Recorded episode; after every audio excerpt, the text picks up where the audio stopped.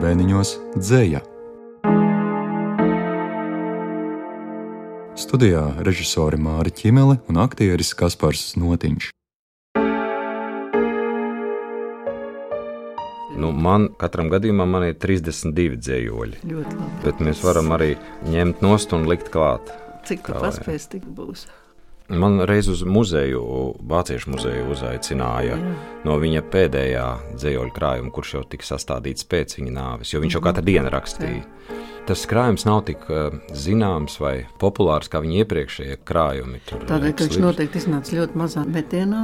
Iespējams, ka kaut kā un jau tajos laikos, kad dzēja vairs neiegāja ikdienā, tu saproti, cik 80. interesanti laiki ir izmainījušies. Es esmu piedzīvojis tos laikus, kad dzēja bija ikdiena, kad dzēja bija dzīvē iekšā. Tā vairs nav, jo cilvēki ir aizņemti, nav laika, grāmatas dārgas, Jā, internets. Es tev uzdošu faktiski jautājumu. Mēs veidojām izrādi dzēja, un noteikums bija tāds, izvēlamies dzējoļus, kuri man patīk. Nu, kas tas ir? Kas man patīk? tas, kas atsaucas tevī. Nezinu, jā, patīk. Jo mūsu izrādē dzēja, es tā kā Ojāra vācieti um, neuzskatīju par savu dzējnieku, bet es saprotu, ka es vācieti vienkārši nepareizi lasu.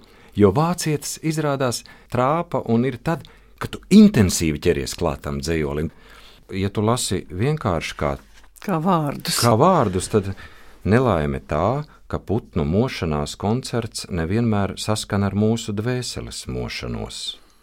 Bet vācietis jau lasa, nelaime tā, ka putnu mošanās koncerts nevienmēr saskan ar mūsu dvēseles mošanos.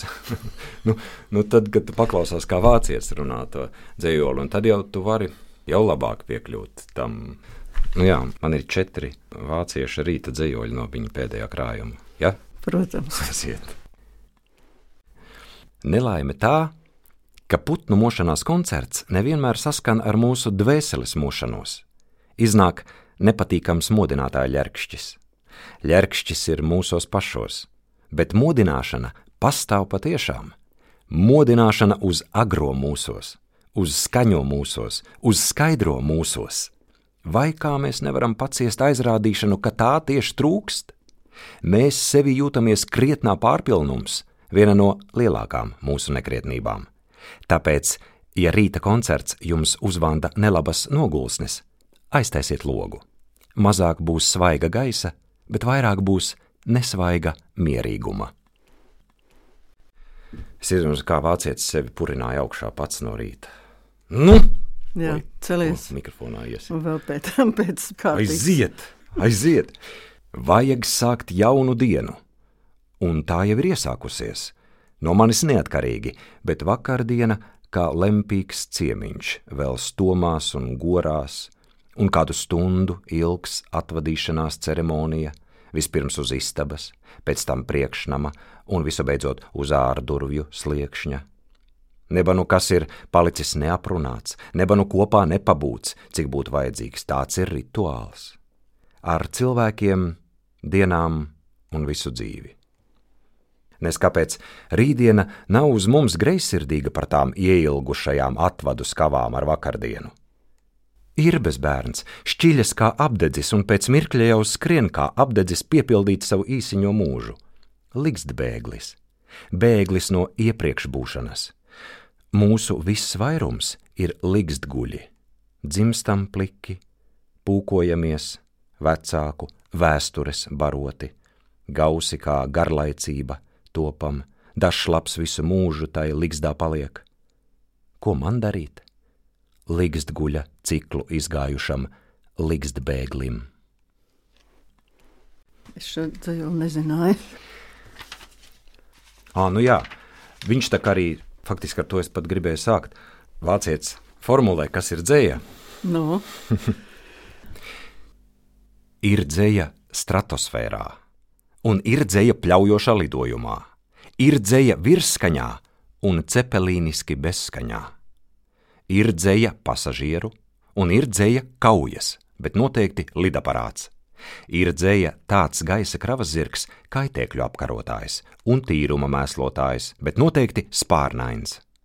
Un ir spārnaiņi, universāļi, kas pieprot no pirmā līdz piektam, pēc skata momentā nepateiksi, ko viņš pašreiz dara.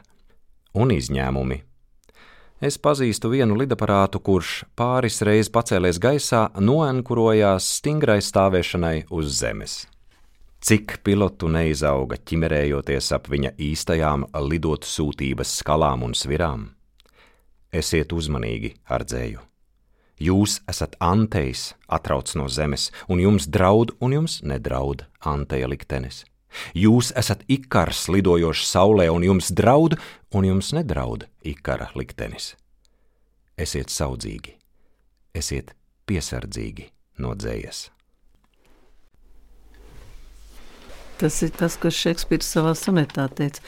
Un būšu dzīves, kad lasīs tu tos sonetus. Kad beigsies gaitas manas. Un vācietis ir dzīves, kad mēs viņu lasām. Jā, redzi, vāciešu noslēpumains dzējols, ko es nezinu īsti, kas pēc tam var pāriet uz Raini. Vācietis ir pamodies un iznācis ārā uz ielas. Kas ar to sarkano sauli? Izķer kā blusas agrīnos gājējus, pārkrāso, lai neviens nepazīst un palaiž tālāk. Nāk pretī rats, nepazīst, viņam nav tādu sarkanu radu. Nāk pretī kauns, nē, viņam nav tik trakas nosarkšanas. Nāk pretī māte, raud. Viņai licies, ka viņas bērns varētu iztikt bez tādas briesmīgas pārkrāsošanas. Bet tā ir tikai tā sarkanā saule. Traks cēlis. Rainis no Dagdas skiču būtnīcām. Aiz to mežu, aiz to kalnu, naktis slepus ugunskuras, naktis slepus ugunskuras, sarkans stāri dzeltenu liesmas, apklust meži, apklust kalni, kad tas uguns slepus kuras, kad tas uguns slepus kuras, ko neviens nekad nav kūris. Nu, kāds rainis, aktu kungs. Nu, un vēl no tām pašām dagdas. Man šķiet, ka tur tāds tautas dziesmas motīvs iet, nu nevis šķiet, bet tur Jā. viņš strāvo. Un, un, viņ, un viņš ir tik moderns, dziesmas motīvs. Jā. moderns dzēnieks, viņš ir tik stilīgs, viņš ir tāds formas meistars. Visu nakti zvaigznes rauda, ilgodamās mīļās saules. Rītu atnāk mīļā saule, zvaigznes aizbēg kaunēdamās. Zvaigznes aizbēg kaunēdamās, saule atrod visu lauku, visu lauku, visas pļavas, pierasotus zvaigžņu asru. Un beigās mazs vārdiņš - Olīvijā. Jā, viņam daudz dzējoļu ir, kur pēc tam tas viens vārds. Viņš tam šveicis meitenēm veltītos meitenēm, nu jā. jā. Bet izlas vēlreiz, Jā. tāpēc, ka tur bildi ir Es vairāk. drusku vēl biju iepriekšējā Tur, tur dzējolī. drusku piezemēja. Viņš ir dziļāks un Mhm. Pilna zvaigžņu. Viņš ir romantiskāks. Zini, ko pieliec klāt? Šeit saule, tā kā eģiptiešiem, ir vīrietis. Tas ir svarīgi. Mhm. Tas ir dokumentāls stāsts, Pilnīgs realisms. izpausts caur tēliem. Man patīk, ka viņš ir tik pašapziņīgs, tas tik forši. Visu nakti zvaigznes raud, ilgodamās mīļās saules, rītu atnāk mīļā saule. Zvaigznes aizbēg kaunēdamās, zvaigznes aizbēg kaunēdamās, saule atrod visu lauku, visu lauku, visas pļavas, pierasotus zvaigžņu asru. Olīvija. Jā, jā, kaut kas tāds. un vēl no Dagdas. Man tas bija pārsteigums, ka Rainis izdarīja tādu gājienu. Es, nu jā, nu Dagdas skiču burtnīca kaut kad jau lasīts, un tad priekš izrādes dzēja vēlreiz pārlasīts, bet tad ir tas ievads, kur es biju palaidis garām, ka nu, te tāds viens jauneklis rakstīja redakcijai, e, viņš tad tās savas burtnīciņas ir sakrājis, un tā, nu tad, nu, varbūt pieņemiet, nu tāds jauneklis Dagda, jā, sarakstīt te tās savas dziesmiņas. Mm -hmm. Smuks gājiens no Raiņa puses. nu, jā, viņš tur tā kā nevainīgs. Tas tas pats, kas uzlikt masku, vai Jā, O. jā, jā. tad uzreiz ir brīvība lielāka. Tur nav jāpiekar savs uzvārds un tēvvārds. ved vakars gulēt visus bērniņus, ver cieti puķiem acu vāciņus, nāc draudziņa laiks, es tevim skūpstiem slēgšu plakstiņus. Tu acis pacelsi uz mēnesi, kā toreiz bija. Mūs abus vienoja tava matiņa, zelta dzīja. Un tad netīšām man rokās nonāca, es nekad neesmu lasījis skaļi publikai no šī autora Pauls Celans, Magone un atmiņa. Tas ir dzēnieks, kas dzimis Bukovinā, kas piederēja Austro-Ungārijai, pēc tam Rumānijai, pēc tam Padomju Savienībai, un uh, viņš uh, izdzīvoja holokaustu. Un visu mūžu netika nu, no tā vaļā, ja tā var teikt, un savā dzējā. Viņš pats sev to nevarēja piedot, ka viņš ir izdzīvojis, jo visa viņa ģimene aizgāja.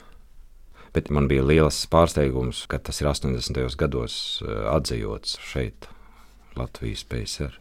Mārcis Čaklais ir atzīvojis. Nāves fūga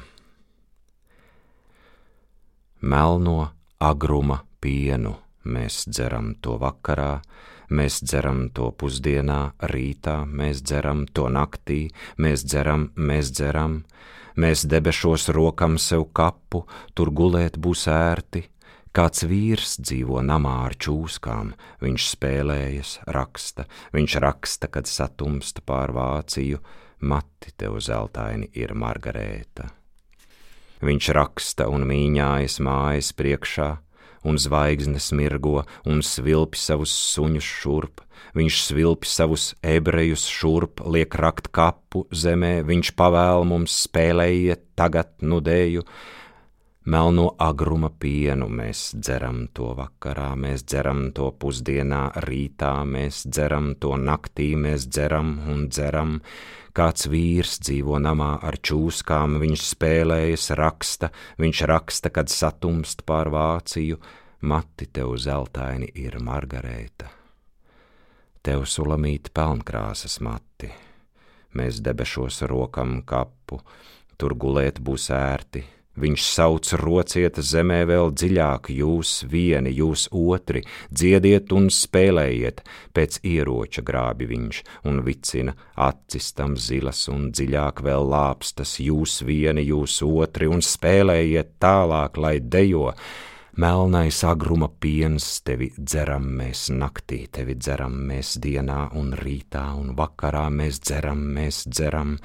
Kāds vīrs dzīvo namā, mati tev zeltaini ir Margarēta, tev sulamīt pelnkrāsas mati, ar čūskām viņš spēlējas, viņš sauc nāvi saldāku, spēlējiet, nāve ir meistars no Vācijas, viņš sauc, lai dobjāk skan violas dūmos, tad uzkāpsiet debešos, un debešos kaps būs jums mākoņos gulēt, būs ērti, melnais agruma piens, tevi dzeram mēs naktī, tevi dzeram mēs pusdienā, nāve ir meistars no Vācijas, tevi dzeram mēs vakarā, rītā mēs dzeram, mēs dzeram, un nāve ir meistars no Vācijas, acis tam zilas viņa lode, redz tevi un ieurbjas precīzi tevī, kāds vīrs dzīvo namā, mati tev zeltaini ir Margarēta, Viņš uzrīdas suņus mums dāvā, mums debešos kapu ar čūskām, viņš spēlējas, sapņo, nāve ir meistars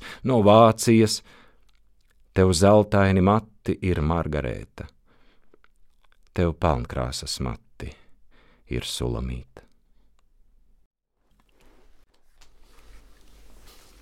Nu, tas ir tas viņam. Ich trinke, ich trinke, ich Jā. trinke. Nu, viņš skaitās vācu dzinieks, bet nu, viņš pēc kara nonāca Vīnē un uh, tad pārcēlās uz Parīzi un beidza dzīvi sēnā. Jā. Un tad šo bedres tēmu, ir bedre uz otru pusi, Ādamsonam, mm -hmm. sanāk dzējolis tāds man pārītīm. Nāves koks. Tas koks aug Meksikā, kur gaisi mūžam zili, tā ziedos sarkanos dzied putniņš vicicili. Stāv indiāņu māte jaunā, zem nāves koka dienā ļaunā. kad miris viņas pirmdzimtais, kas rokās dustais, stinks un bais. Ar savu krūšu pienu slaka, tā bērna lūpas klusu saka: Tev mana dēla dvēsele maigā, nu tuvāk saulē jāizstaigā un tad ar vingru brūnu plaukstu tā tver un pieliec zaru augstu, pie kura bērna pīšļus saista, ar liānēm lūk gulta skaista. Lūk šūpulī un kapā zaļā dus bērns, tad palaists vaļā, zars atliecas, zars augšup šaujas, ar nastu, kas pie lapām kļaujas, to jaunā māte gaiši vēro, pirms mājup tālo ceļu mēro. Dus gaisa kapā viņas dēls, tam mūža nams ir jauks un cēls. Starp laknām lapām, ziediem košiem, zem vējiem smaržīgiem un drošiem. Tur bišu dūkšanai nav gala, tur skurbi pogā lakstī gala, tur pīšļi šūpojoties zarā, visnotaļ karstās gaismas varā, par saules putekļiem drīz taps. Cik gaišs, cik viegls ir šis kaps. Aug krāšņi nāves koks, tvan gaisi mūžam zili, pār ziediem sarkaniem, dzied putniņš, vici Nu, un skujnieks.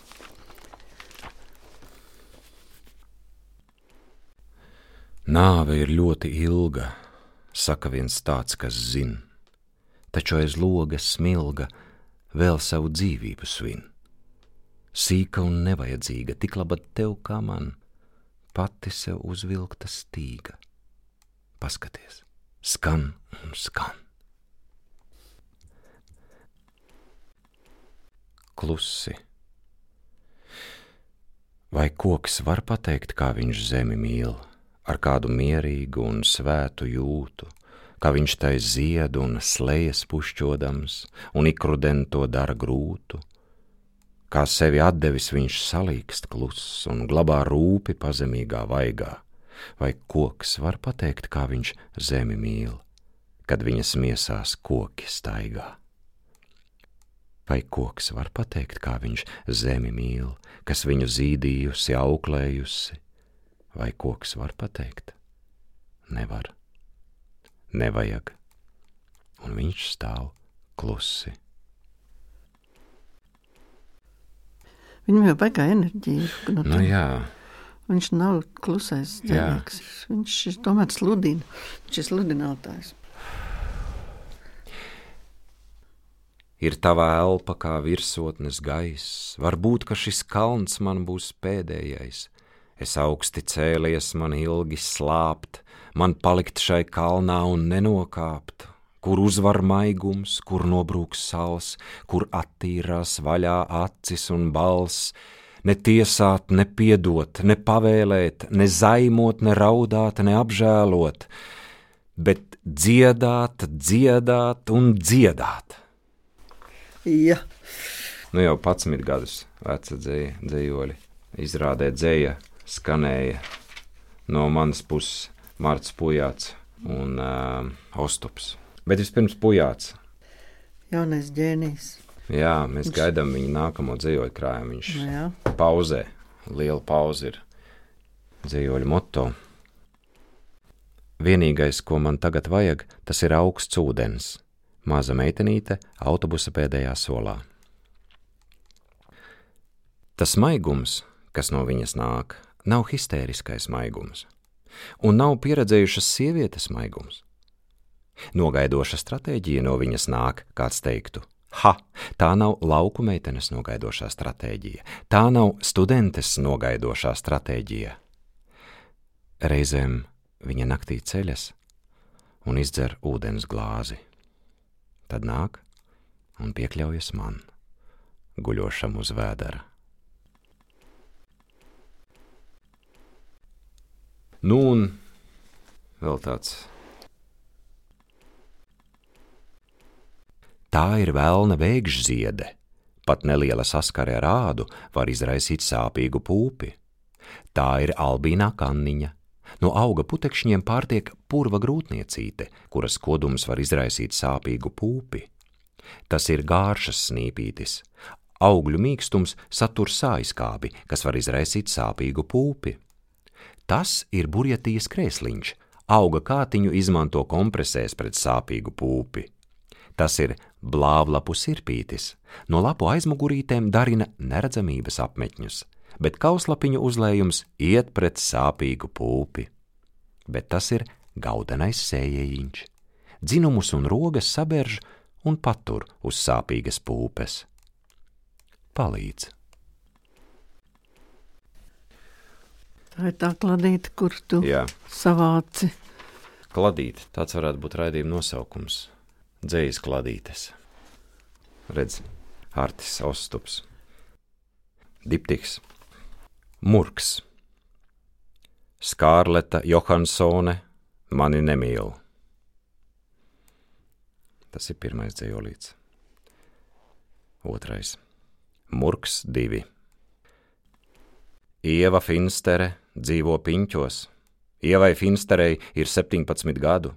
Viņa staigā uz augstiem papēžiem, tātad tikpat gara, cik es, Vēl Ieva Finstere dzied korī, pirms tam gan zīmējusi, gan dejojusi tautiskās dejas, viņa neceļ klausuli, kad es zvanu, viņa knapi atbild uz īziņām, viņa pa vakariem sēž savos piņķos, uzsmaida sienai, pēc tam iesmējas. Es biju pārāk uzbāzīgs, uzreiz liku noprast, ko es gribu. Tad Ieva Finstere nolēma mani izdzēst, un, kā jau teicu, necēla klausuli, kad es tai zvanīju. Un no tā visa es izsecināju, ka Ieva Finstere mani nemīl. Sēž savos piņķos. Man te arī tukšs galva, tu man saviļņoji. Tu saviļņoji mani. Skatītājs vienkārši. jā, es tu saviļņoji mani, jā. Un tā ir tā dzējas lieta. Viņa saviļņo tevi un ielien kaut kur dziļumos un uztausta kaut ko tādu, par ko tu jau esi aizmirsis. Jā, nedrīkst acīm redzot, iet kaut kādā vienā dzīslas lasīšanas veidā, jo dzinieki ir tik atšķirīgi. Viņa iekšējā pasaule tik atšķirīga, un viņa ārējā pasaule tik atšķirīga. Un, un tā kā Rains var ietvert kaut kādu pavisam konkrētu notikumu, bezgalīgi skaistos mm. tēlos. Un tieši otrādi arī kāds apraksta burtiski, burtiski visu, kā Bukovskis līdz pat atkritumiem un citām sadzīves detaļām. Es esmu dzējai vēlu piejaucēts. Kad tev sākās dzēja? Nu, es eh, gandrīz vai piespiedu kārtā sevi piespiedu dzējai piekļūt. Nu, es biju kā tāds eh, jā, pietauots lidaparāts. Es nespēju pacelties gaisā ar dzēju. Jā, 2003. gadā man uzaicināja uz lielo ģildi runāt Imants Ziedoņa izlases. Gaismas parāds, dzējoļus, mīlas lirika viņa. Un tad kaut kā lēnām, lēnām. Tas tāds ar Imants Ziedonu notika? Mm, lielā mērā droši vien tomēr caur izrādi dzēja visvairāk. Nu jā, es jau te rakstīju, man jaunieši palūdz, lai es viņu žurnālam žoklis uzrakstu. Par dzēju kaut ko.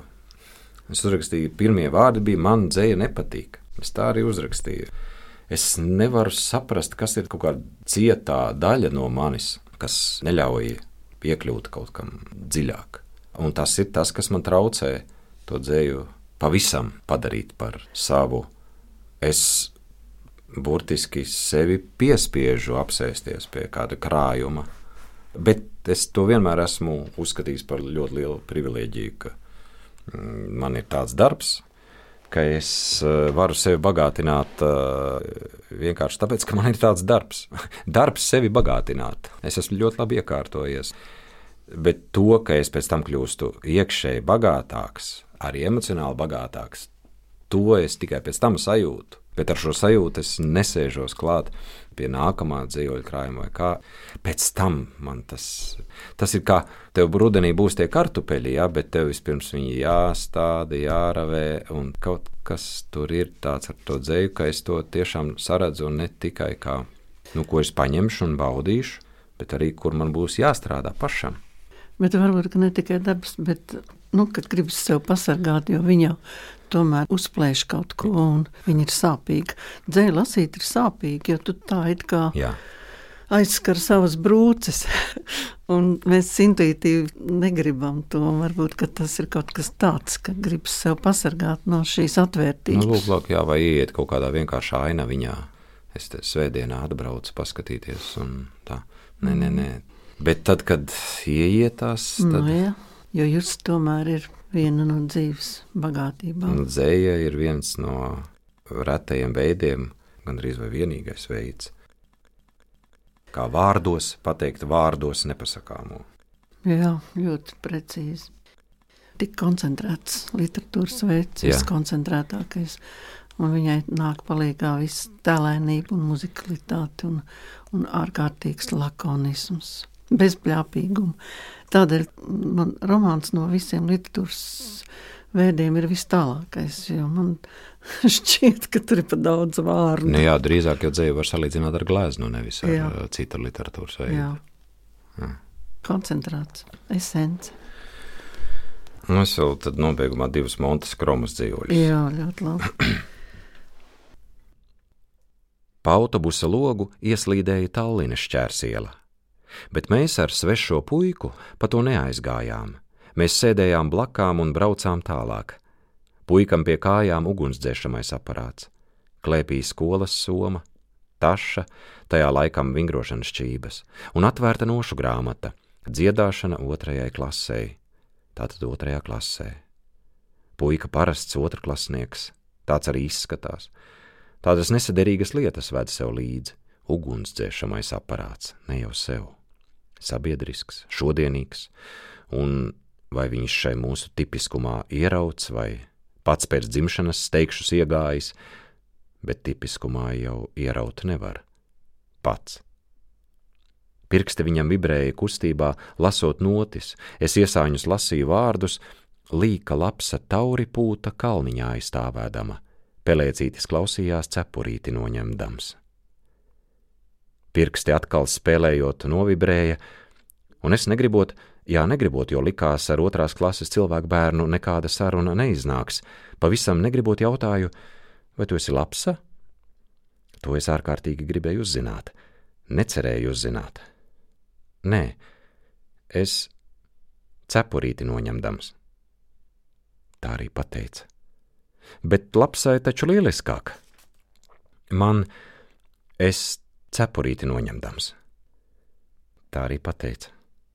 Uzrunāts neapmulsa, savu zināja. Es viņa domā neuzurdīju nekādas šaubas, un tūlīt viņš mani aizmirsa pavisam lietišķi un dabiski. Tikai tagad viņam pirksti vibrēja gandrīz vai nemanāmā kustībā. Vai tomēr otrās klases puika ar ugunsdzēšamo aparātu samulsa? Kaut gan laikam viņš jau sadzirdēja. Vai uz gaisa tilta pakalna, vai uz juglas tilta pakalna, lapsa tauri pūta, klausījās, cepurīti noņemdams. No šī brauciena pagājis mēnesis vai vairāk. Es stāvu un sēžu, un savam blakus stāvētājam un blakus sēdētājam saku, ka lapsai vien būt par maz, kaut arī līkai aiz pūšanas, ka lapsai vien būt nekad. Viss ir pelēcītī, viss ir noņemtajā cepurē. Tur, ziniet, pa īstam dziļš. Bet es taču esmu lapsa. Ai, kroma. Nu, vēl viens pēdējais nobeigums - Montakroma. Lasījām dzējoļus, pirmais, otrais un citi. Klausītāju uztveri nejūtām. Katram pāris aplausu, bet aplausi ir vienīgais atbalsta veids. Neviens no mums nedeklamēja, vienkārši lasīja no lapas, kā prata. Nē, drīzāk kā gribēja. Bet kāpēc nebija aplausu? Varbūt tāpēc, ka nebija aktiera runas. Dieva dēļ nevajag deklamācijas, jo dzinieks spēja runāt kā nespēja aktieris. Tieši tas ir visbūtiskākais - autora lasījums.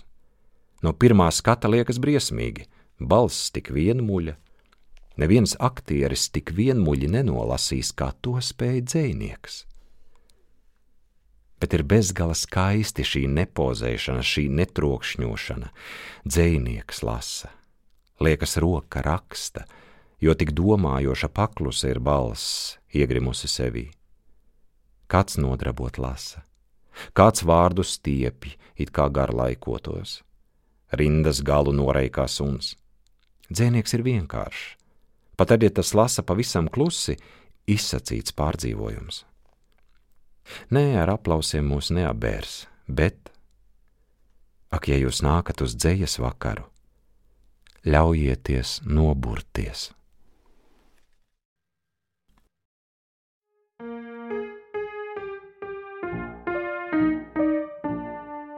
Šņurbeniņos dzeju lasīja Kaspars Notiņš, ar viņu kopā bija režisore Māra Čimele, ieraksta skaņu operatore Nora Mitspapa, raidījuma producente Sandra Ņedzveicka.